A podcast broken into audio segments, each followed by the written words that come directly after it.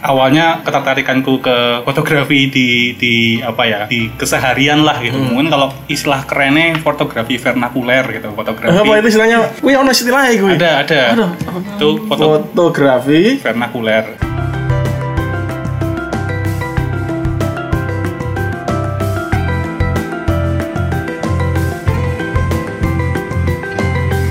Assalamualaikum, Kulon Won bertemu kembali di Temu Konco Podcast obrolan saat bertemu kawan. Sap. Eh, lokasi masih belum di studio Bye Bye karena sana banyak orderan alhamdulillah. Dan alhamdulillah. alhamdulillah dan saya juga banyak kegiatan ya. Jadi pada belum slow tapi nggak apa-apa ini dengan eh, mikrofon pinjaman dari Mas Manca dari podcast pecah eh, kita bikin rekaman darurat di kelas pagi Yogyakarta. Nah kebetulan di KP sini eh, ada kaitannya lagi sama eh, tamu kita berikut ini. Kalau tadi si Gevi teman sekelas pas angkatan 5 kalau sekarang adalah bapak kepala sekolahnya KP. Waktu itu dia berperan sebagai kepala sekolah. Mas Mantan Wit, mantan kepala sekolah. Mas Wit. halo Mas Iwan Halo, halo Mas. Jadi Mas Wit ini eh, cerita sendiri lah Mas. Dirimu siapa nanti bahannya aku salah. Iya, eh, aku Kurniadi Widodo. Teman-teman biasa manggil aku Wit. Eh, aku fotografer lepas, juga pengajar fotografi di beberapa komunitas, termasuk dulu di ya sampai sekarang juga di kelas pagi Jogja. Eh, dan bapak kos, Mas. Oh, Bapak Kos. Oh Bapak iya. Kos, penting. Bapak Kos yang penting, Bapak Kos. Jadi Bapak Kos dia. Di daerah Babarsari ya? Nggih. Babarsari. Jadi Daerah penuh mahasiswa loh. Iya, betul. Kos-kosan sangat siapa yang membutuhkan kos putra ya? Putri. Oh, Bu. Wah, ini. ini. Nah, ini. Jadi siapa yang mau main? Mau main. Maksudnya nyari saya ya. Oh, ya, ya, ya. Ya, ya. Dulu pernah ada yang kayak gitu sih. Oh gitu. Modus ya. Modus banget. Modus. Apa apa, apa, apa. Iya, iya, iya. Jadi eh, sebenarnya udah udah lama juga pengen ngajak Mas Wit ngobrol di sini itu tentang fotografi juga dan apa?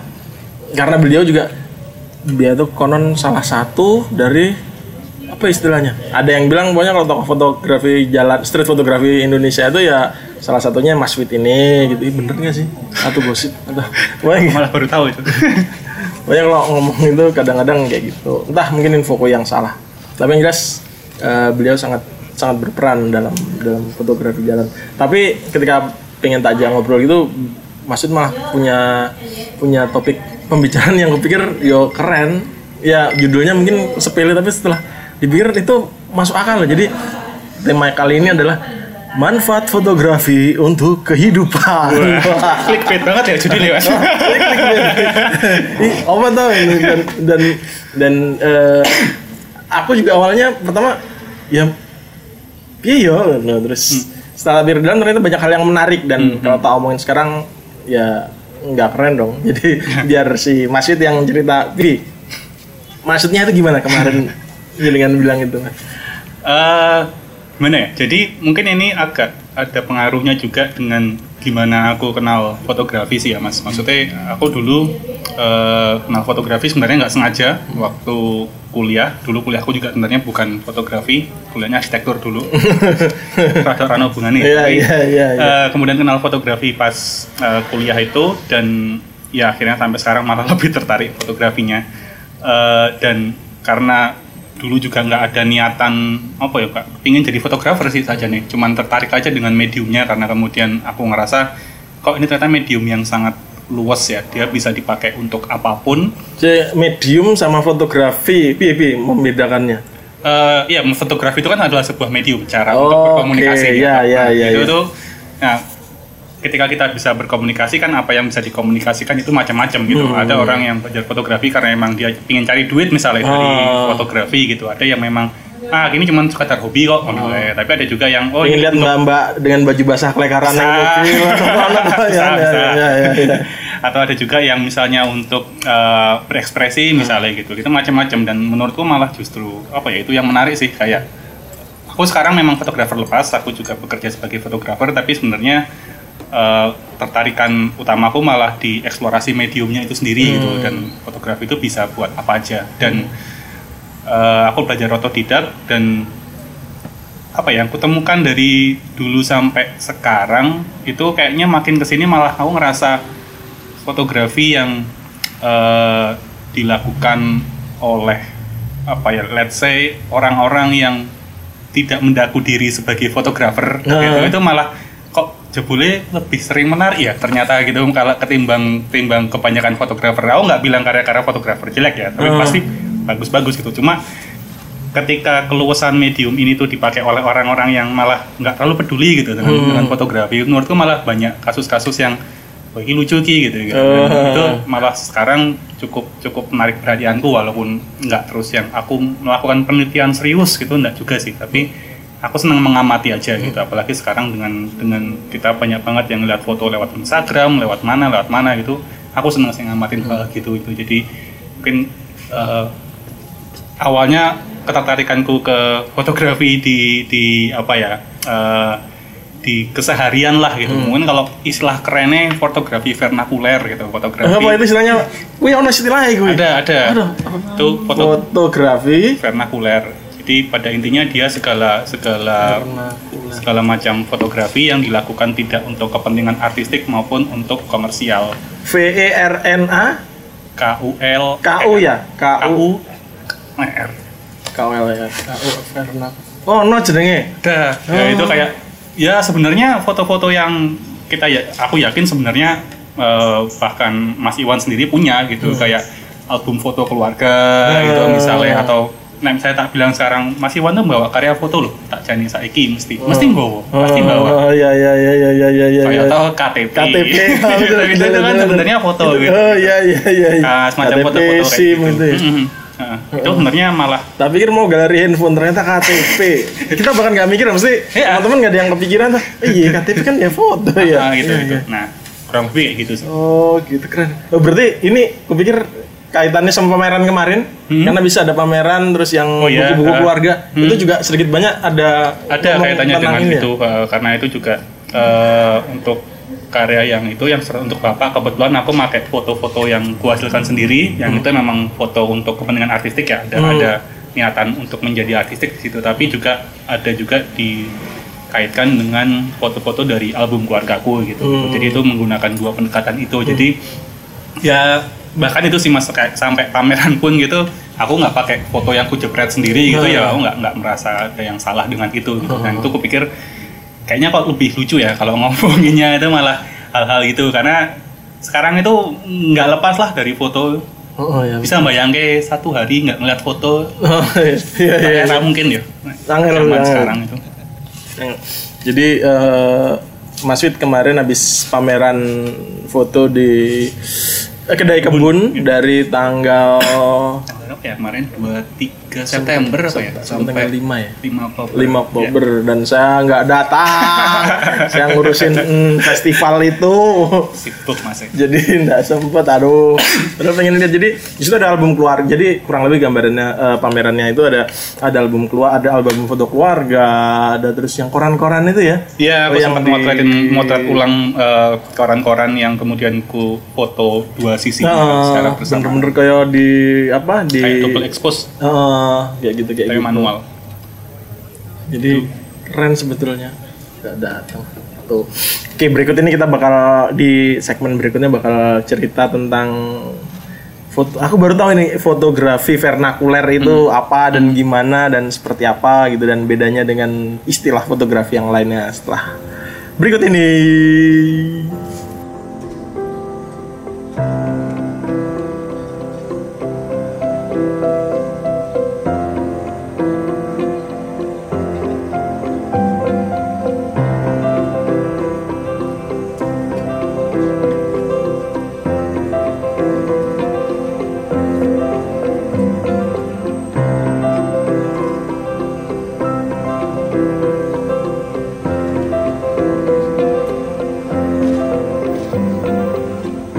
Lalu kembali lagi dengan saya dan Mas Wid bicara tentang manfaat manfaat. Ini judulnya keren. Manfaat fotografi untuk kehidupan. Khususnya ini aku aku tadi dapat istilah baru fotografi vernakuler gitu.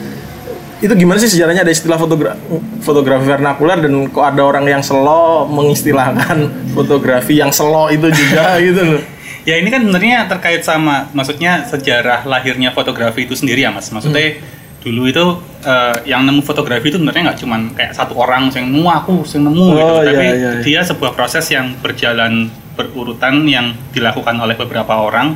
Eh, kebanyakan di Eropa sih di Inggris dan Peran- Perancis ya terutama. Eh, dan yang menarik pada saat itu adalah eh, fotografi itu lahir sebenarnya karena eh sebelum waktu itu belum ada semacam tujuan spesifik kenapa itu butuh ada gitu. Oh, Jadi iya, setiap iya. orang yang mengejar eh, bisa lahirnya eh, bisa ditemukannya eh, proses perekaman gambar dengan medium cahaya dengan apa cahaya itu Mhm. mereka punya ininya sendiri-sendiri, punya tujuannya sendiri-sendiri gitu. Ada yang misalnya kayak Henry Fox Talbot dari Inggris, dia itu eh, ilmuwan, botanis, ya orang serba bisa lah gitu Hmm. kayak. Eh, cuman kelemahannya satu, dia nggak bisa gambar. Oh, iya. Padahal Padahal botanis, kan tapi- gambarnya apa-apa ya jangan ya. Kalau kita lihat buku-buku botanis. bisa harus meneliti tumbuh-tumbuhan tapi reso gambar. Oh. Jopi ya, dia dia kemudian dengan dengan eh, pengetahuannya berusaha itu me- menemukan ya caranya aku bisa merekam tanaman ini tanpa aku harus Gambar. misalnya gitu. Temu fotografi. Sementara ada juga yang kayak di Prancis eh, Louis Daguerre namanya itu dia justru adalah seorang entrepreneur sebenarnya. Dia gimana caranya nih aku bisa eh, menemukan cara untuk merekam eh, suatu eh, keadaan serealistis mungkin supaya nanti bisa aku jual. Oh, iya, bakul. Mantap, bakul. Daguerre Seperti type biasa. itu ya akhirnya. Ah, ya, ketemunya akhirnya Daguerre type. Daguerre type itu. Eh, dua-duanya punya kualitas yang berbeda ya. Misalnya daguerreotype itu dulu banyak yang bilang jauh lebih bagus sih sebenarnya. Hmm. Mau kelemahannya siji, daguerreotype itu nggak bisa diperbanyak. Oh, gitu. Oh, jadi Ah. meng siji. Iya, karena dia langsung melapisi eh, satu permukaan. Biasanya waktu itu bisa eh, kaca atau Oh. logam dengan emulsi peka cahaya yang kemudian gambarnya langsung positif.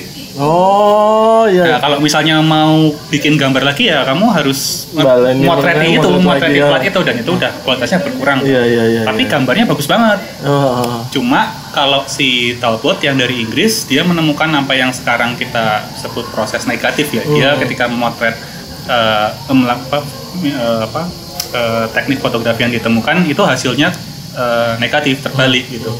Eh, Apa namanya tone warnanya gitu yang hitam jadi putih, yang putih jadi Hmm. hitam gitu. Gambarnya lebih jelek dari Daguerre gambarnya type. Daguerre. Cuma eh, karena dia bisa diperbanyak, malah jadinya itu yang kemudian akhirnya jadi meluas gitu. Masal ya, masif Masal, ya. Oh, kuncinya gitu. adalah bisa diperbanyak. Bisa diperbanyak gitu. Nah. oh, iya, iya. Bayangkan waktu itu eh, orang untuk eh, apa ya istilahnya berbagai kepentingan itu sekarang tiba-tiba ada sebuah sebuah cara untuk merekam secara realistis gitu. Hmm. Nah, itu kan tiba-tiba terus wah iki so tak gopo wae iki gitu. gitu. Iya, Ada iya. yang kayak tadi dia untuk membantu menggambar misalnya. Ada juga yang untuk dokumentasi perjalanan gitu supaya orang bisa dengan mudah eh, tahu oh kemarin saya ke sini loh. Hmm. Fotonya biar realistis gitu atau untuk bahkan membantu eh, melukis atau banyak sekali lah waktu itu kepentingan-kepentingan yang akhirnya bisa di eh, apa istilahnya eh, dibantu oleh oleh fotografi gitu. Nah, gara-gara itu jadi itu tadi di- dari awal lahirnya itu karena nggak punya identitas yang fix ya istilah dia jadi dipakai oleh berbagai banyak kepentingan ya Hmm. salah satunya eh, album dokumentasi itu gitu banyak orang yang eh, mendokumentasikan kehidupannya eh, apa namanya eh, dengan foto dan walaupun waktu itu yang bisa ngakses nggak semua orang Iya, iya, Jadi zaman itu ya. mahal ya Oh, mahal dan ribet ya. ribet gitu. Jadi eh, tetap aksesnya terbatas, tapi itu akhirnya tidak tidak me- menghalangi banyak orang untuk eh, mengaplikasikan fotografi ke berbagai eh, bidang keahlian mereka masing-masing Hmm. gitu. Jadi itu yang kemudian sampai sekarang eh, di era modern ketika apa teknologi foto juga semakin mudah, semakin banyak yang bisa mengakses, ya akhirnya banyak sekali fotografi eh, foto-foto yang dihasilkan tidak untuk kepentingan dua itu tadi gitu, untuk untuk nggak untuk artistik dan nggak untuk komersil karena untuk itu tadi membantu dia sangat fungsional lah Iya iya iya uh, iya. intinya iya. gitu nggak dilihat bagusnya nggak dilihat uh, bisa dijual apa enggak tapi dia bisa membantu apa pun itu yang di dilakukan oleh si uh, pembuat fotonya gitu Apa pun itu ya.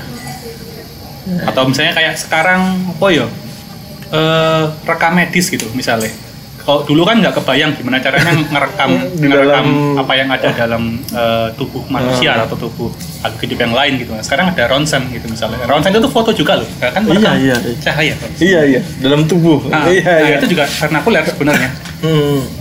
Nah kaitannya sama itu eh, dalam dalam dalam amatan Mas Wid perkembangan fotografi orang biasa fotografi Hmm. vernakular sekarang gimana kondisinya? Ini malah jarang dibahas loh kayak gini ya. Iya, gini. ya. fotografi orang biasa. Ya, itu tuh, dalam karena- tanda petik ya orang Ah. biasanya kok pada sakit hati di orang biasa. Ya itu karena aku juga sering apa mencoba ngangkat itu sih dan aku selalu bermulai dari kalau tak sebut istilah fotografi gitu biasanya eh, kalian apa ya yang ada di kepalanya gitu. Misalkan orang kamera fotografer Hmm, atau mesti fotografer gitu. Ah, gitu. atau jenis foto-foto yang kalau kalian bayang ke fotografi gitu tuh Ah. kayak apa? Kan keluarnya yang kayak wow foto apa komersial atau foto jurnalistik gitu ya kayak gitu-gitu gitu.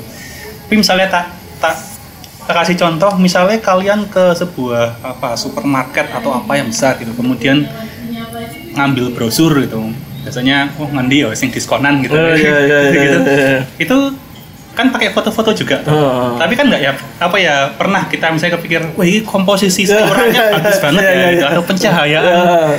apa namanya produknya bagus Eh. gitu kan enggak tapi itu kan hasil hasil foto juga gitu dan di situ kemudian aku jadi sadar kayaknya emang kita apa ya ketika kita dengar fotografi itu kayak seolah-olah ada hierarki gitu tingkatan Oh. gitu kayak oh ini fotografi dengan F besar gitu. Oh iya iya iya iya. ini fotografi dengan F kecil yang ya. kemudian nggak dianggap Ya, gitu, nggak oh, dianggap yang gitu. dianggap orang biasa Ah, tadi gitu. itu dalam tanda petik. Nah, padahal kan sekarang malah justru eh, kalau dibandingkan foto-foto yang dibuat untuk eh, kepentingannya fotografer gitu atau dibuat secara dalam tanda kutip serius gitu ya. Nek dibandingke sama foto-foto yang malah dibuat sama orang biasa itu Hmm. tadi, kan perbandingannya jauh sekali. Hmm. Eh, aku lupa data tepatnya, tapi coba aja misalnya kita nanti nyari eh, jumlah foto sehari yang diupload di Facebook atau di Instagram Oh. itu jumlahnya jutaan loh, Oh, iya iya iya. jutaan. Iya iya iya. Aku pernah eh, nemu data bahwa eh, dalam satu dekade terakhir ini jumlah foto yang dibuat oleh manusia itu udah jauh lebih banyak ketimbang foto yang dibuat sejak era ditemukannya kan. fotografi. Hanya dalam satu dekade Iya, terakhir atau iya, bahkan sekarang mungkin lebih lebih, Lebih banyak banget ya. Jadi yo kayak udah kayak apa ya? Iya iya iya. banjir image gitu Hmm. yang eh, itu kan nggak mungkin toh semuanya bagus-bagus gitu Iya ya sih. nggak mungkin gitu Hmm.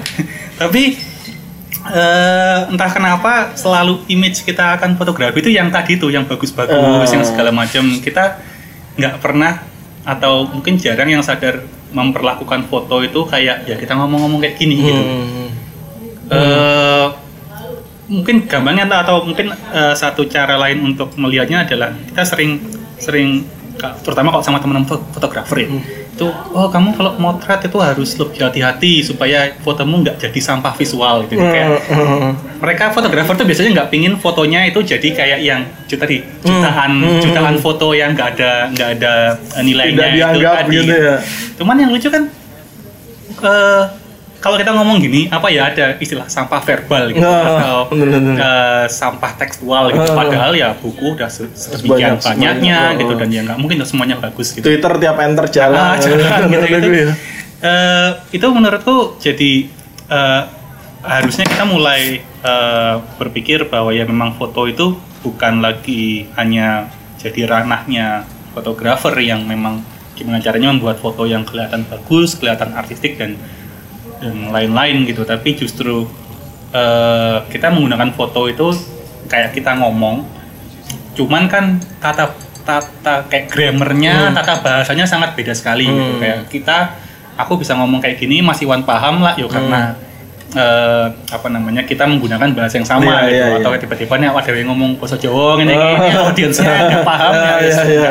nggak- ngerti gitu. Ah. Nah, nek foto itu gimana nih gitu? Itu yang menurutku menarik dan memang sepanjang pengetahuanku belum ada yang kayak me, apa ya istilahnya membuat cara membaca foto yang kemudian itu komprehensif gitu Oh. yang oh foto ini artinya ini gitu Itu kan nggak ada, gitu. ada, karena ada, emang emang cara bekerjanya beda banget sih antara foto dan teks, Teks, gitu, ah. gitu. nah cuma tetap bisa sebenarnya digunakan untuk berkomunikasi nah tinggal masalahnya kita sadar nggak kalau misalnya pas kita lagi ngeliat foto itu ada intensi dari entah yang memotret atau entah yang menyebarluaskan misalnya gitu gitu. Nah itu yang eh, relasi di antara dua dua hal itu yang menurutku jadi menarik untuk melihat foto-foto vernakuler gitu di zaman sekarang. Apalagi dengan tadi ya kemudahan teknologi ya. Hmm. Nah, saya kira kabeh uang itu tadi yang dibilang Mas Iwan, semua orang fotografer, wong HP nih, wae mesti saya ono Oh, kameranya ada gitu. kameranya.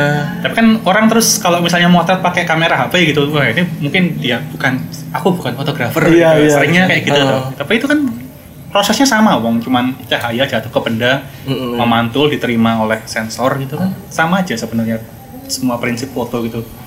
Jadi Sebenarnya foto itu itu gitu ya, Itu, bukan itu nggak- bukan nggak- harus nganggo kamera yang kamera kurang besar dulu gitu, gitu. Nggak- juga gitu. Jadi malah justru eh, apa namanya ya itu sih yang menurutku eh, kayaknya harus lebih banyak obrolan-obrolan atau ya menyadari apa sih yang sebenarnya bisa dilakukan foto eh, ke kita gitu. Apalagi sekarang dengan begitu mudahnya kita ngambil foto mengkonsumsi foto gitu itu. Cuman banyak yang nggak sadar apa yang bisa dilakukan foto itu sebenarnya. Iya iya iya. ada ada buku yang bagus banget mas jenis jenis fotografi change everything. Itu tulisannya ya. Fotografi mengubah segalanya. Oh, itu yang eh, itu sebenarnya kumpulan eh, apa namanya esai-esai pendek. Dia diedit sama eh, namanya Marvin Haverman Eh, isinya buku-buku itu eh, dia me, apa ya istilahnya mengkategorisasi foto-foto itu mengubah apa aja sih gitu. Oh, dan itu lucu-lucu ya, gitu ada. kayak misalnya fotografi mengubah cara kita melihat pernikahan gitu misalnya. Oh. hal-hal sesepele sesepele itu gitu, gitu. Tapi itu menurutku menarik menarik banget sih artikel-artikelnya itu. Dan itu sama sekali jarang yang ngomongin tadi kayak foto yang bagus gitu itu malah gak ada gitu gak banyak lah di buku itu malah justru yang hal-hal keseharian itu gitu yang yang lebih banyak diomongin gitu hiper vokal distant orang orang orang, orang orang. orang ini kan orang. tadi itu misalnya mau apa ngelihat brosur supermarket atau brosur perumahan lah ya orang sing mikir Eh, komposisinya eh. HP atau pencahayaannya udah wah ini fotonya under mas gitu Apa ini under? Iya iya Nggak ada itu kayak itu sih yang menurutku Paling kan menarik. juragane karo agensi nih sing mikir kayak mikir kayak ya. ya nah awam Audiens rano sih nggak- nggak mikir kayak mikir gitu. itu Iya ya. Dan itu juga enggak itu kita anggap nggak berharga ya. Bahkan di di awal kita menganggap itu bukan karya fotografi gitu ya. Iya, gitu. Padahal itu fotografi ya. Nah. Itu adalah meluk- hasil meluk- orang melukis dengan cahaya Iya. loh gitu loh. Mm-mm. Tapi- Tapi kita abaikan ya. Iya iya iya. iya. Berarti selfie termasuk dong. masuk Sel masuk se- selfie loh sing Selfie. sok dimengke selfie. Oh, jangan salah loh. Selfie itu udah ada dari dulu. Kita ngerasa kayak selfie itu sebuah temuan baru gitu ya. Ah. Enggak loh. Coba nanti saya teman-teman mau coba googling Robert Cornelius Hmm. tahun 1839 atau 8. Aku cuman 18 1800-an. 1800-an, 1839 atau 1840 itu. Dia cuman nggak nyampe setahun setelah proses fotografi diumumkan gitu di Prancis. Si Robert Cornelius ini motret dirinya sendiri. ya itu eh, banyak yang bilang itu adalah selfie pertama. Iya iya iya iya iya. iya. Walaupun ya tentu saja eh, selfie-nya nggak kayak sekarang ya, nggak, Ah, nggak pakai tongsis. ya. tongsis. Kameranya abot soalnya. Oh. Fotonya harus pakai tripod, yang berarti selfie-nya lebih effort mas. Oh, Gitu. lebih usaha. Yuk. Yuk. Harus diem agak Timer- lama timer gitu. bareng. Heeh. dia foto zaman dulu kan bermenit-menit ya. Oh, iya. Kalau misalnya mau jadi ya dia harus diem. Tek, langsung diem. gitu gitu. Niat. Jadi selfie-nya dulu lebih ini mat Oh, lebih oh tapi iya. orang udah ada gitu yang melakukan itu. Jadi sama sekali bukan temuan baru sebenarnya. Cuman tentu saja sekarang dengan ya kameranya makin gampang, Hmm. kemudian terutama setelah era media sosial ya, jadi kayak banyak orang yang menggunakan itu untuk aktualisasi Selfie, diri selfie segala gitu. macam gitu lah. Iya sih. Cuman sebenarnya itu sama sekali bukan hal yang baru. Benar benar. Tapi selfie bakal mau apa ya? Banyak Oh, sih yang bisa ada diubah. yang banyak yang Banyak tahu yang bisa tahu di- yang bisa diubah selfie mas dia mengubah cara kita mati mas Kok iso? Hah? Cara-cara kita mati. Ha, karena eh, jumlah orang yang meninggal karena selfie itu coba cari tahu nanti ternyata cukup banyak loh Tenang nih. serius Mergane selfie. ya penyebab kematiannya bukan selfie-nya tentu Ah, saja ya ah. misalnya dia jatuh ke jurang Pas gitu, lagi atau- selfie, ah, ya. tapi pas lagi selfie gitu jadi dia me- mendorong orang untuk melakukan hal-hal yang sebenarnya berbahaya tapi jadi eh, demi foto yang lebih jos itu tadi ini ya? Eh, mungkin sempat ingat yang kasus eh walaupun mungkin bukan selfies ya tapi eh, tetap terkait sama foto lah gitu kayak yang waktu ada pendaki yang Hmm. Merapi itu ya? Ah, Oh, oh, Merapi oh. dan ini kalau nggak salah baru kemarin ini saya baca artikel ada juga yang ada sepasang pendaki gitu di Yosemite ya, Hmm. di Amerika sana juga yaitu meninggal karena jatuh dari jurang gitu. Buat,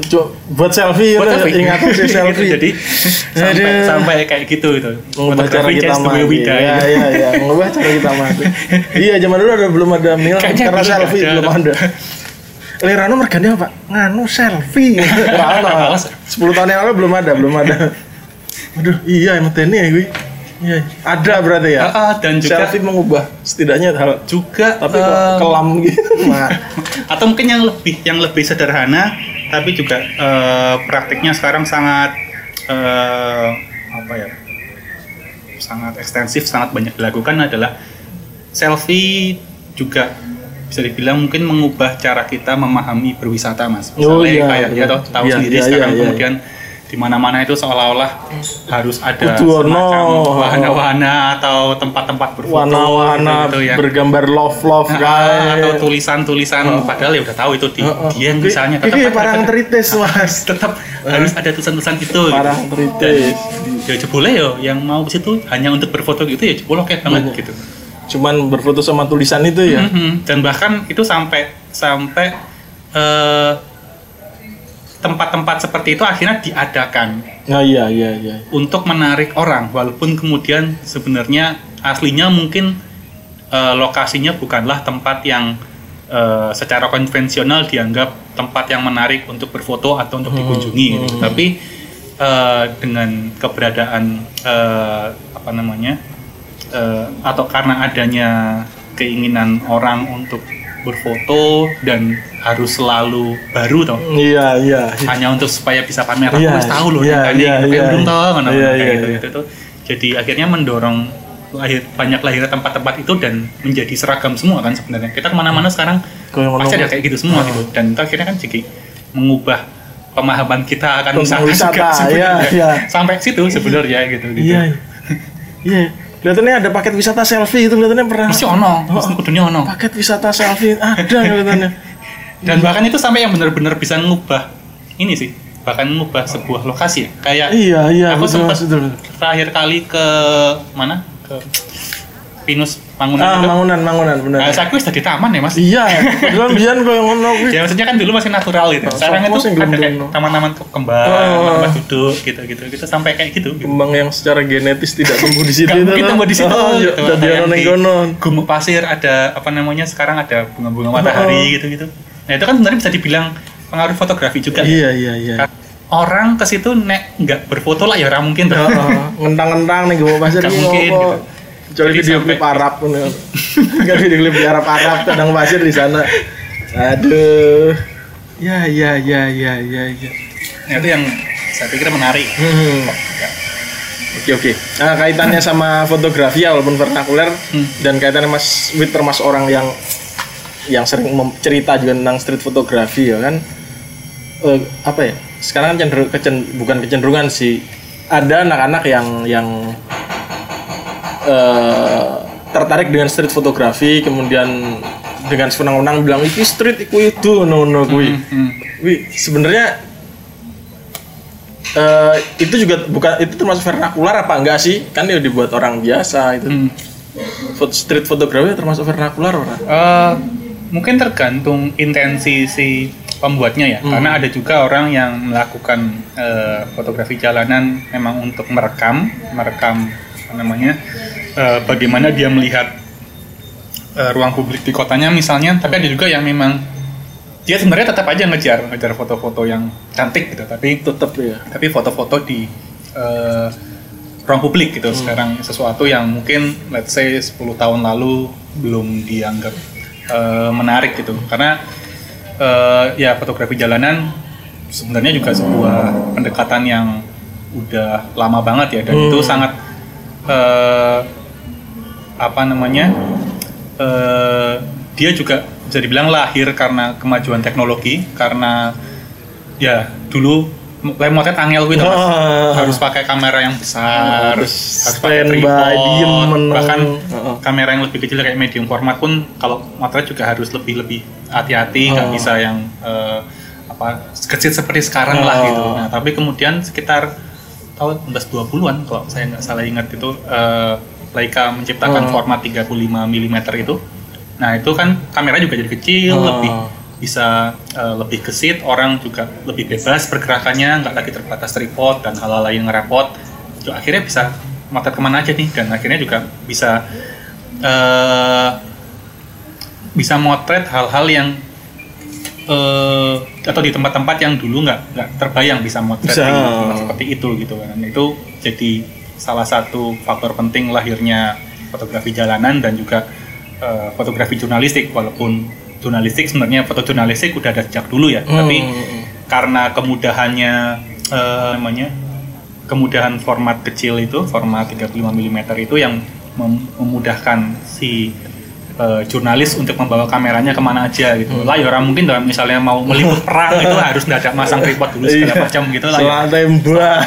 gitu. Nah, kalau ada kamera yang kecil-kecil jadi jadi lebih gampang. Jadi mungkin karena karena apa jenenge? Lahirnya dua dua pendekatan bukan lahirnya sih sebenarnya tapi hal yang mendorong eh, populernya pendekatan itu terkait hal yang sama tadi soal teknologi tadi jadi orang juga banyak yang nek street foto itu apa? Nek fotografi jurnalistik apa? Gitu. Hmm. banyak yang jadi apa ya berkutat di situ gitu. Iya, Tapi iya, iya. menurutku sih juga itu semacam apa ya? Eh jebakan juga. Maksudnya kita tuh dari dulu entah kenapa selalu senang dengan selalu sering terlalu sering apa namanya? Terjebak dengan hal-hal yang sifatnya definitif. Iya istilah-istilah yo. Iki fotografi Orang- fotografi uh. Orang itu jadi lebih tertarik untuk mengkategorikan apakah fotonya masuk kotak A atau kotak Iya B iya iya betul betul betul. ketimbang fotonya sebenarnya buat apa. Ah, iya iya. itu yang sebenarnya eh, apa namanya menurutku sekarang jadi banyak yang terjebaknya di situ orang lebih tertarik atau lebih pingin ini fotoku street bukan sih itu. Tinggal mempertanyakan oke lah mau foto street atau mau foto bukan tapi kamu sebenarnya motret di ruang publik di kotamu itu apa sih yang mau kamu lakukan Oh. sebenarnya gitu itu yang aku- penting ya. aku sih mengamati itunya ya yo dilalah kita memang ini sih mas maksudnya presiden di sini itu tidak sebanyak di luar Hmm. dalam artian eh, fotografi jalanan masuknya ke Indonesia itu menurutku juga nggak bisa dilepasin dari internet ya Hmm. Kayak generasiku aku juga dulu belajarnya dari internet pertama kali itu belajar sendiri ya dari website-website ngeliat website Magnum ngeliat Oh. websitenya Public gitu gitu gitu. Cuman sebenarnya presiden yang maksudnya fotografer di atasku yang melakukan fotografi jalanan sendiri juga nggak banyak. Hmm. dan yang muncul juga mungkin cuman cuman sejumlah kecil gitu. Kita cuman kenal mungkin kayak Mas Erik Prastia Ya, misalnya atau dulu ada Mas Roy Rubianto gitu-gitu yang Edi Purnomo yang juga menggunakan menggunakan pendekatan itu misalnya tapi kalau di luar itu eh, foto-foto kayak gini tuh lahirnya itu mesti koyok ono silsilahe Oh jadi gitu. oh aku melakukan ini karena misalnya aku nggak setuju sama cara pandangnya si ini Oh, Jadi iya, aku tesis, antitesis, ya, tesis antitesis gitu Ah. sintesis gitu, gitu Ah. mesti semuanya selalu kayak gitu ya podo kayak medium liannya lah Ah. jadi street foto pun juga sajane oh podo wae gitu selalu ada perang pemikiran seperti itu sebenarnya Hmm. nah cuman kalau di sini itu lahirnya nggak kayak gitu lahirnya itu tadi karena ada orang-orang yang kemudian karena ada akses informasi ndelok oh foto-foto kayak gini kok jebol di luar dianggap keren ya aku Ah. tak jajal gitu. Oh iya iya betul betul. lebih kayak gitu tau sebenarnya. Kalau kita kalau di Indonesia kayak gitu bener. bukan karena sebuah respon atas oh aku nggak sepakat sama apa foto salon misalnya gitu Hmm. tapi atau semacam itu enggak tapi lebih itu tadi lebih karena ngelihat oh di luar kayak gini dianggap keren Oh iya benar, masalahnya di situ. itu jadi enggak ya, bukan enggak- masalah sih ya. Ya. Maksudnya ke- keri- pe- eh, karakteristiknya sangat Ah. berbeda jauh gitu nah akhirnya eh, kebanyakan praktisinya kemudian lalu jadi kayak nggak punya titik awal untuk berpegang tuh. Mereka harus merespon apa lah, ideologinya kita. ya, ideologinya. lah itu ideologinya Heeh, ini rano. gitu. heeh. Jadi ya akhirnya cuman sekedar meniru eh, tampilan lalu yang Hmm. dilihat adalah aspek permukaannya aja. Hmm. Itu yang kalau aku sih ngelihat kebanyakan eh, orang yang eh, melakukan fotografi jalanan sekarang ya di Indonesia eh, kebanyakan seperti itu. Ya tentu saja ada contoh-contoh yang menurutku udah bisa memahami pendekatan ini secara lebih kritis, dia Hmm. bisa eh, memotret ruang publik dengan dengan tujuan yang memang arahnya udah kelihatan jelas, tapi baru sejumlah kecil lah. Iya iya iya. Nah, dilalai lagi yang yang kok ya pas gitu. Dan juga eh apa namanya produsen-produsen kamera itu sekarang juga kok yo pinter yo melihat peluang itu Iya, gitu. iya. Akhirnya ketika mereka menciptakan kamera-kamera baru eh, yang ringkes, yang kecil eh, itu kemudian ngerasa wah ini cocok nih buat street fotografi Oh, ini gitu. Kamu nih. Potret street pakai yang ini aja Oh. gitu gitu. Itu jadi jadi makin booming lah. Bahkan mereka. kamera eh foto juga dijual itu kan pakai handphone ini lo bokehnya bagus Oh, gitu gitu itu, kan. itu, uh, jadi, Jadi ya sebenarnya tetap dari dulu kita cuman jadi kena akal-akalannya Iya, produsen iya. kamera sih sebenarnya. bener bener.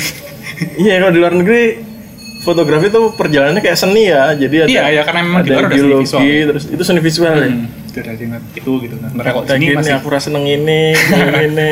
itu itu yang masih kalau kulihat uh, kita masih ada problemnya di situ lah. Hmm. gitu. Randu ideologi. Belum punya ideologi yang kuat lah ya. Uh, Nah itu juga sebenarnya jadi uh, berkaitan sama ngopo sih aku kok juga misalnya tertarik dengan dunia edukasi foto gitu. Hmm. Ya salah satunya itu karena Hmm. Kita sering kali nggak punya kesadaran akan kita ini motet nggak ngopo. Iya iya. Iki aku yakin nanti ono sing nyacat. Ora kuwi kasihan cepas kae. Gitu. Kasian Cepas itu ya itu uh, sering dianggap adalah fotografer pribumi Pertama pertama, gitu ya yang Indonesia. kebetulan di Jogja gitu. Ah, Jadi kita sebenarnya bisa dilihat wah kota fotografi, Kota fotografi Indonesia. Jogja ya? Jogja gitu.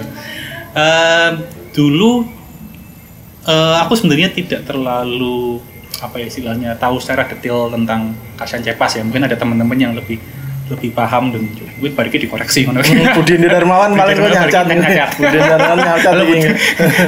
Eh, tapi Cepas itu kan dulu bekerja sebenarnya untuk eh, Kesultanan ya. Iya iya. Eh, dia merekam eh, banyak sekali hal-hal eh, yang ada di eh, keraton dan juga merekam-rekam kaitannya candi Borobudur dan semacamnya. Tapi sebenarnya bisa dibilang eh, sejauh yang kita tahu ya, Kasian Cepas eh, tidak memotret untuk apa istilahnya menyatakan sudut pandangnya. Jadi Hmm. istilahnya gampangnya pesenan Hmm. sejauh yang kita tahu ya. Iya iya iya. Ini sejauh yang kita tahu loh ya. tahu ya. Siapa nggak ngaco- dicacat loh. Ini ono anu ditambahin enggak apa-apa loh. Gue nyacat. Jadi eh, fotografer pribuminya juga sebenarnya eh, lebih cuman latar belakang. Iya, Tapi iya. terus apakah eh, sudut pandangnya dia adalah sudut pandang eh, orang yang memang eh, apa namanya bisa disebut nasionalis misalnya Hmm. gitu. Ya, Wong Indonesia Raden wae Saleh. ngono wah. Kayak Raden Saleh misalnya Ah, ya gitu, dengan gitu. itu, Sebenarnya kalau mirip sekali dengan itu gitu. gitu. Kalau misalnya dia pelukis ya. Nah, orang waktu itu memang negaranya aja belum ada gitu. Hmm. Apakah dia sebenarnya sudut pandangnya masih kolonialis kah gitu gitu. Hmm. Itu mungkin masih jadi perdebatan sih. Ada bukunya uh, Gerrit Knapp yang lebih detail membahas itu. Tapi aku sendiri juga dulu pernah baca belum selesai. Tapi mungkin kalau yang buat yang tertarik bisa nyari buku itu. Dan yang menyedihkan adalah nulis ki Hah? sing nulis ki wong Oh luar, iya, waduh, arsipnya aja sekarang juga Orang di luar, bukan barat, di sini. bukan orang Indonesia. Nah itu kan juga sebenarnya kalau dikaitin sama tadi juga jadi jadi Ah, nyambung ya. Iya. Nah, Wong kita kalau misalnya punya karya fotografer yang eh, zaman dulu misalnya, ya, fotografer yang udah eh, sekarang udah nggak ada gitu, arsipnya nggak bisa diakses. Iya. Lanjut, c cara belajarnya Gila gimana? banyak. oh, oh. Iya ya. Kita tuh sebenarnya juga problem berat di situ sih dalam artian sejarahnya sendiri masih bolong-bolong gitu. Hmm. Kayak eh, habis Kasian Cepas, Cepas juga buka studio fotonya juga. Iya. ah, Kemudian habis itu yang praktek-praktek yang sempat terekam juga studio foto itu oleh orang-orang Cina di Indonesia Hmm. itu juga banyak sekali. Itu sempat dibahas di bukunya Karen Strassler yang Refracted Vision kan wong luar negeri mana Luar- orang luar negeri lagi, Indonesia, gitu.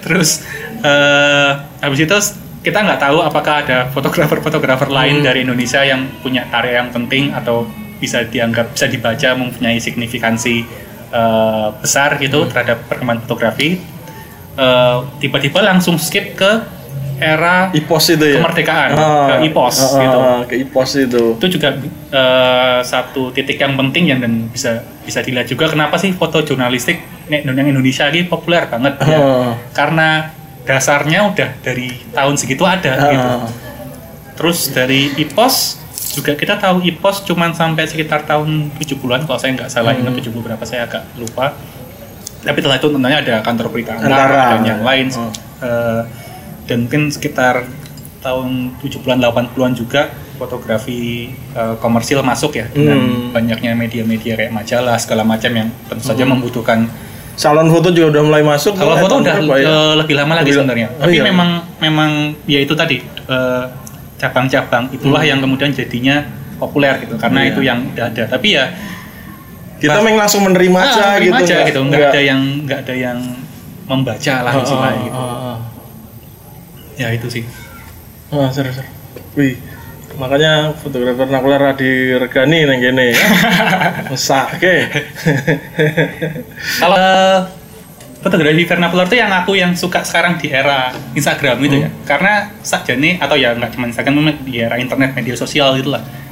Eh ini Mas, banyak sebenarnya akun-akun yang jadi menarik untuk bukan dipelajari sih, tapi mungkin untuk dipahami ketika kita ngomongin tadi itu. gitu. Hmm. Misalnya aku yang yang suka itu akunnya TMC Polda Metro. Oh iya, iya, iya.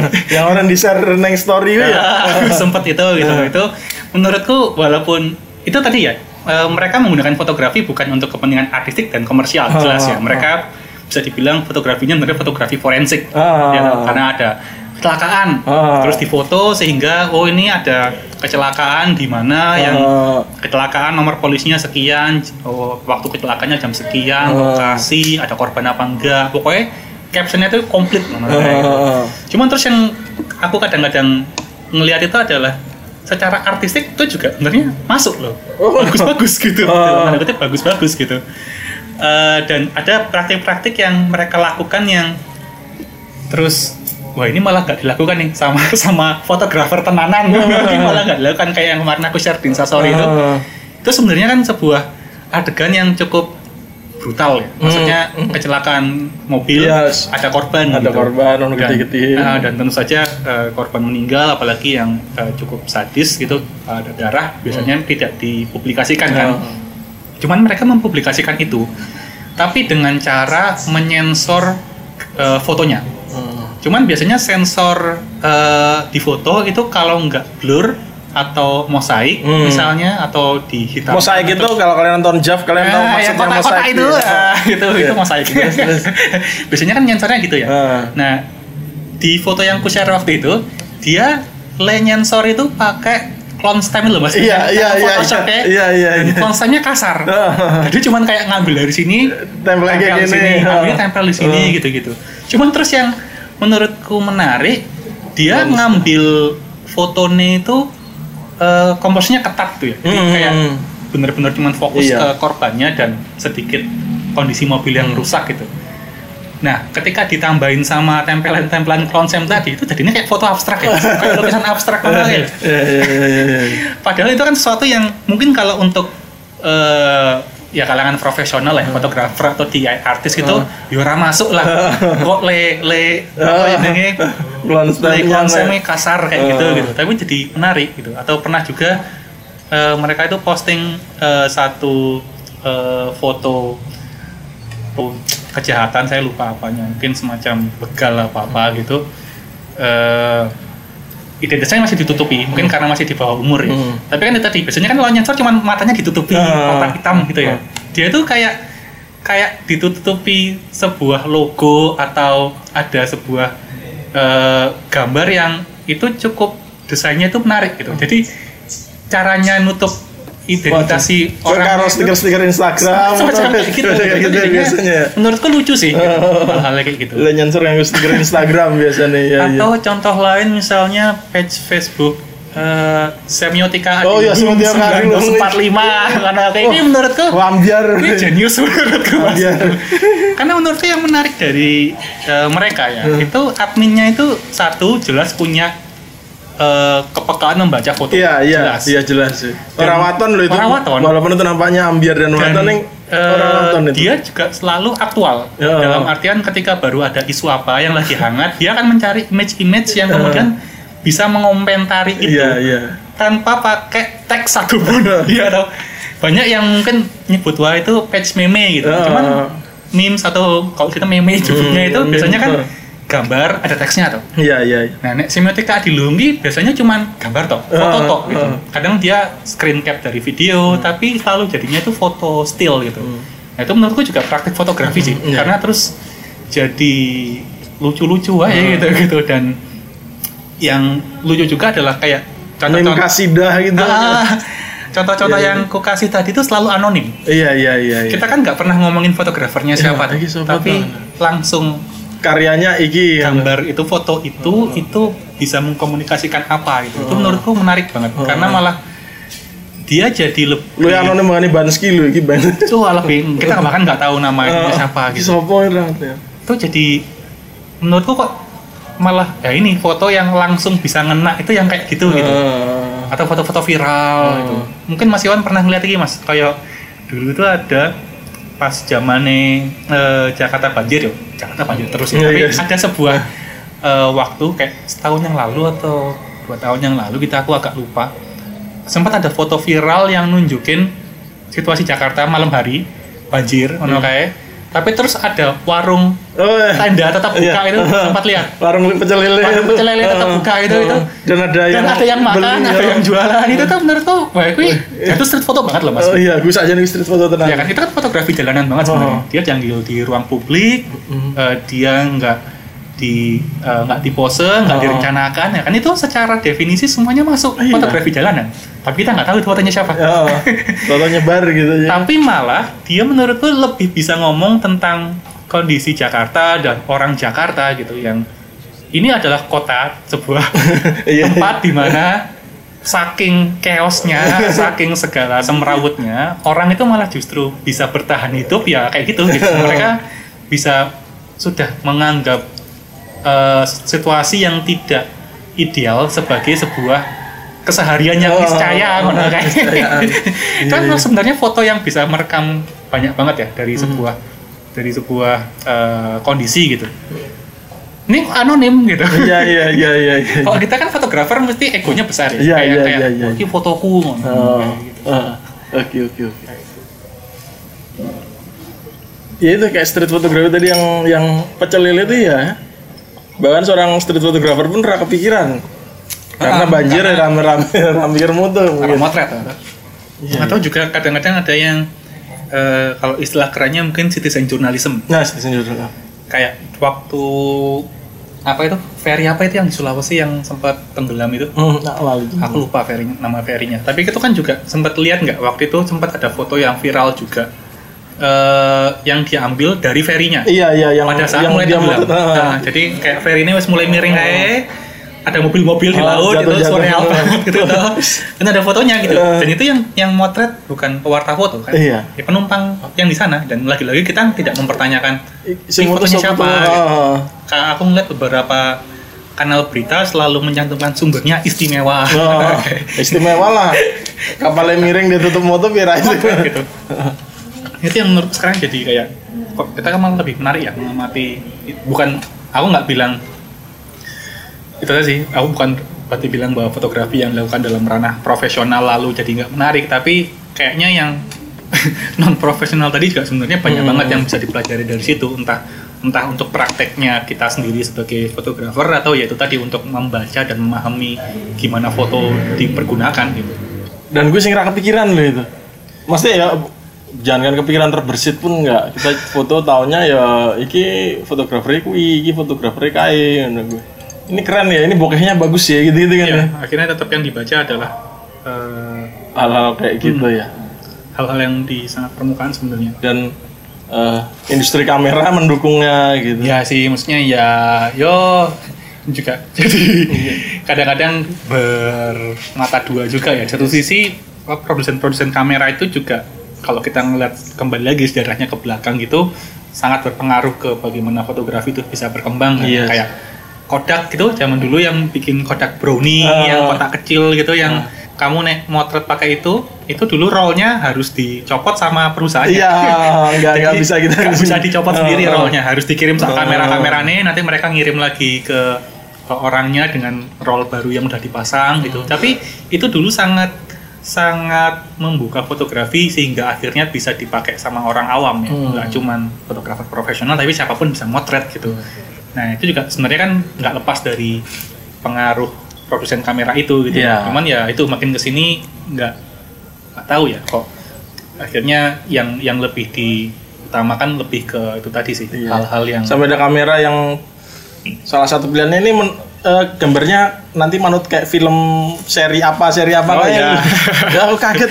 Wis tekan koyo ngene ya. Ya ora salah sih Iya, cuman iya. dalam kaitannya memotret dengan cahaya kan. Nek di kita itu karena nggak ada penandingnya sih mas. Iya maksudnya gini kalau di luar itu eh, ya produsen kamera tadi tetap tetap melakukan hal yang sama ya brand-brand itu gitu. Cuman kan mereka punya institusi-institusi lain gitu iya iya yang tetap memproduksi pengetahuan, memproduksi Oh. wacana, dan itu juga publik bisa ngakses gitu. Nah masalahnya di sini nggak ada. Oh, iya. Nah jadi ya itu tadi kameranya masuk. Masuk. nih. Wah ini pasar besar ini gitu gitu. Ya, sekarang Wah jadi, bokeh jadi akhirnya segala macam acara pun sekarang jadinya di gitu eh, ya oh, oh, di ininya sama mereka jadinya. Bukan hal yang salah tapi menurutku suatu yang keseimbangannya harusnya bisa lebih Hmm, kita. ada hal lain juga yang menarik dibicarakan itu Iya. selain Oke di segmen berikutnya kita bakal bagi-bagi info kalau pengen menghubungi Mas Fit lewat mana gitu kali ya sama mungkin dia punya pesan-pesan atau apa gitu yang mau dia omongin setelah berikut ini.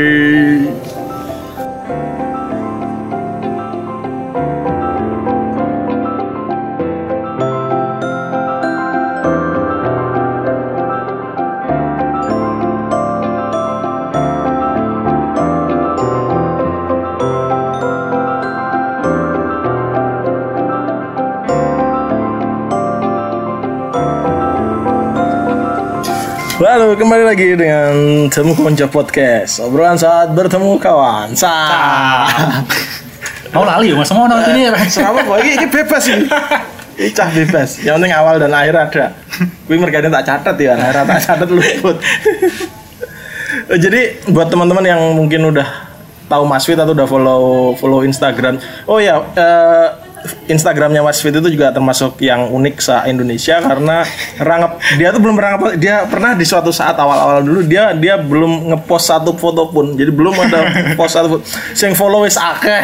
Kan Sempat ono meh rong atus ya. hampir 200 Enggak 200 orang ada- follow, nggak ada fotonya. fotonya belum ada sama sekali. Aduh. Terus foto pertamanya waktu itu pamerannya? Pameran kita Kita itu. ya, waktu itu ya? pameran kita jadi pernah bikin eh, teman-teman KPI keras judulnya, Jakarta Pak? pernah bikin eh, pameran saya lupa judulnya Oh ini tapi berbeda-beda namun Instagram jual. nah iya iya kalau nggak salah iya iya iya Pokoknya konsep pamerannya adalah foto pertama foto di pertama akun di Instagrammu. Ah, apa pun betul. itu. apa pun itu itu lucu loh mas, kita kayaknya bikin-bikin seri lucu. kedua lagi kali ya lucu jadi eh, siapa yang itu harus ngasih ngasih foto foto pertama yang ada di Instagram dia gitu foto, foto yang pertama kali dia posting zaman dulu banget itu gitu jadi lucu-lucu ada yang keren ada yang ambiar ada ya seru gitu. Terus foto pertamaku waktu itu adalah selfie bareng peserta serta pameran. fotonya itu Terus langsung dicetak saat itu juga, langsung dipamerin saat itu. juga. ya ya ya benar benar benar. banget ya itunya. keren banget ya itu katanya perlu diadakan lagi lucu gitu tapi Kangen pameran nih kita.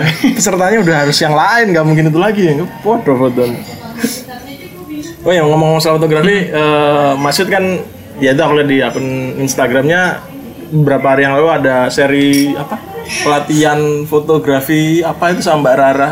Oh, iya Hai jadi Mbak Rara aku ngefans. Semoga kamu mendengarkannya. Apa sih? Eh, Eh, ya jadi aku eh, dan beberapa teman sekarang dengan eh, dengan Yopi Peter, dengan Muhammad Fadli, Ben Laksana sama Rara Skar, kami bikin apa ya? Mungkin bisa dibilang semacam kolektif pendidikan foto ya, Hmm. karena biasanya kolektif artis, ini kolektif pendidikan foto. namanya Academy Project Eh, itu juga sebenarnya ber apa namanya muara dari ya kekhawatiran kekhawatiran kami yang soal kegelisahan kami soal hal-hal yang tadi udah kita omongin di Hmm, segmen berikutnya itu sih mas yang foto eh, hanya dipahami secara level teknis atau secara level estetika keindahan tapi eh, cukup jarang yang bisa memahami eh, apa sih efek dari foto yang kita hasilkan gitu. Jadi eh, kami mencoba untuk mengangkat fotografi kritis lah kasarannya Oh. gitu Eh, tentang apa aja yang eh, bisa menjadi apa yang mempengaruhi kita dalam memotret dan apa juga pengaruh foto-foto kita itu ke audiens dan siapa pun yang melihatnya gitu. Dan eh, kami nggak punya ruang. Jadi seperti biasa Hmm. eh, orang apa keterlibatan saya dalam kelompok apa pun selalu Tidak. di kelompok-kelompok yang nggak punya ruang Gak punya ruang. pokoknya ramodal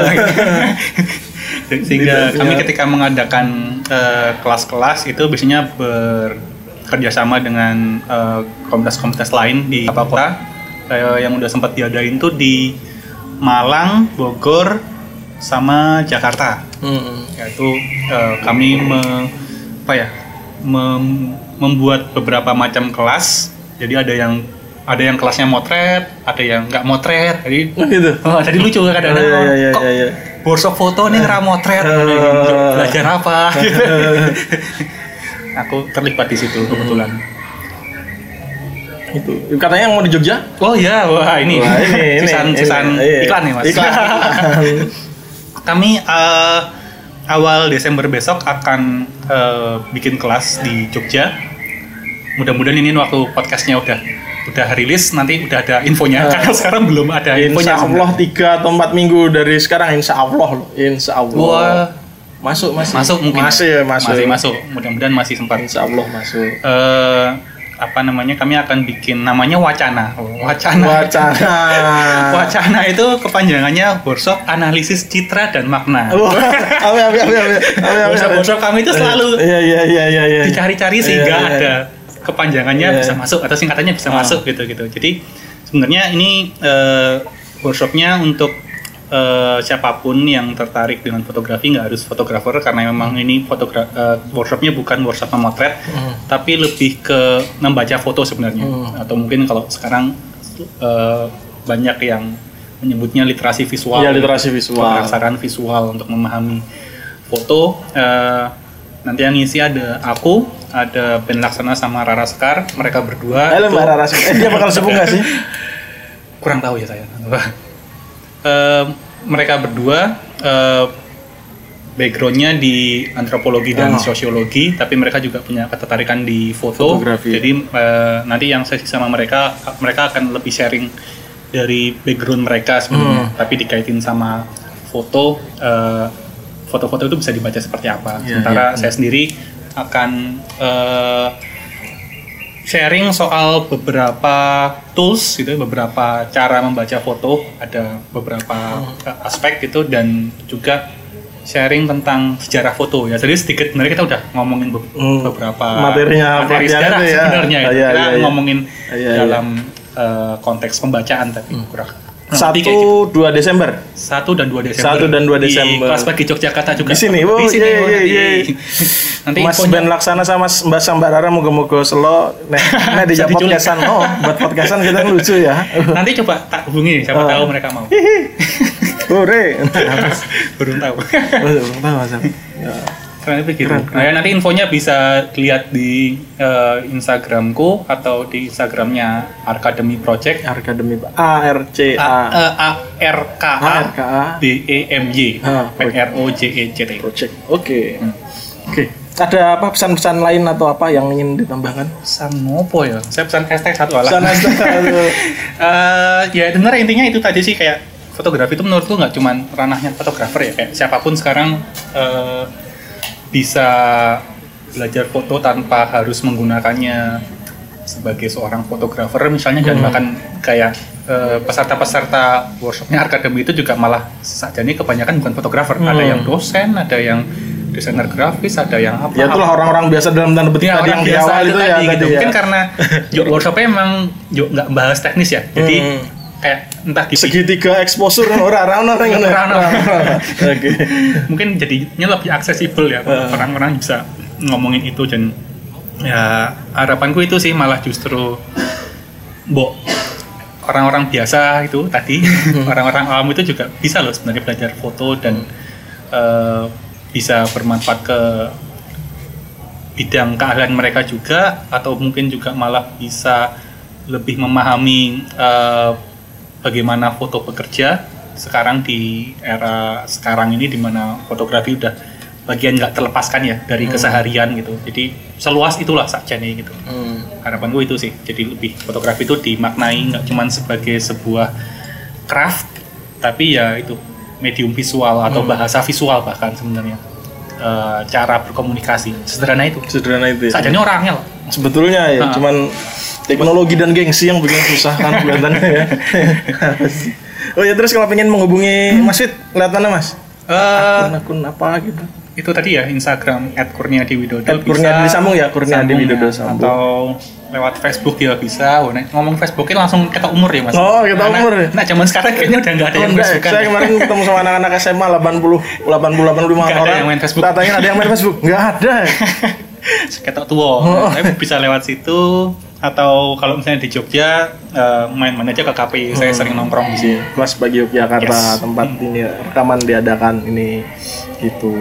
Dan jangan lupa tanggal 1 dan 2 Desember ada pelatihan apa istilahnya pelatihan ya memang ya atau apa ya? Iya, lokakarya. Ada lokakarya lokakarya wacana bersama Mas Wid, eh, Mas Ben Laksana sama Mbak eh, Rara di sini juga di kelas pagi Yogyakarta. Nanti pendaftarannya harusnya sampai 27 November eh 23 atau 24 November gitu. Eh, pendaftaran sampai 24 November. Jadi eh, kalian cek-cek aja sih di yes. di akunnya kami semua. kami semua di akademi ada akunnya Mas Wid itu tentang eh, acara ini. Tuh. sap sap. Matur nuwun Mas. Sudah. Sama-sama mas. Temu ini sama sama kayak si Mbak Mbak Gevi sama teman-teman yang lainnya. Jadi Likang Senan udah, udah lama banget. iya ya udah lama ya itu ya udah lama pengen Udah lalu banget ya? bikin tapi sampai ya sampai lali. sekarang terus sampai sama Mas Ardi Keju juga Likang Senan lama tapi sampai sekarang baru sekarang ya bisa ya Allah pada sibuk ya orang Jogja. Ya. Oke oke matur nuwun Mas Eh, sudah datang dan berbagi cerita di sini terus terus sami-sami jangan kapok gitu. Semoga eh, ada waktu dan kesempatan biar bisa itu ya yang podcast wacana itu kelihatannya yes, lucu yes. sih karena lucu kali ya bukannya bukan hal yang yang umum ya dalam dalam dunia pendidikan fotografi sekarang itu kan biasa kan teknik strobis pada ngono-ngono gitu ketika ngomong gitu. Iya enggak sih? iya sih Kalau ini kan ah, yang beda dan gue pikir eh, keren gitu. Matur nuwun terus matur nuwun tuh ya kepada Mas Mancah dari podcast Pecah yang meminjamkan mikrofonnya sehingga saya bisa eh, tag Jogja banget ini ya mas Ah, iya. Bisa take podcast di luar studio. Berbasis kresek ini ya benar podcast berbasis gresek oke matur nuwun semua. Terima kasih.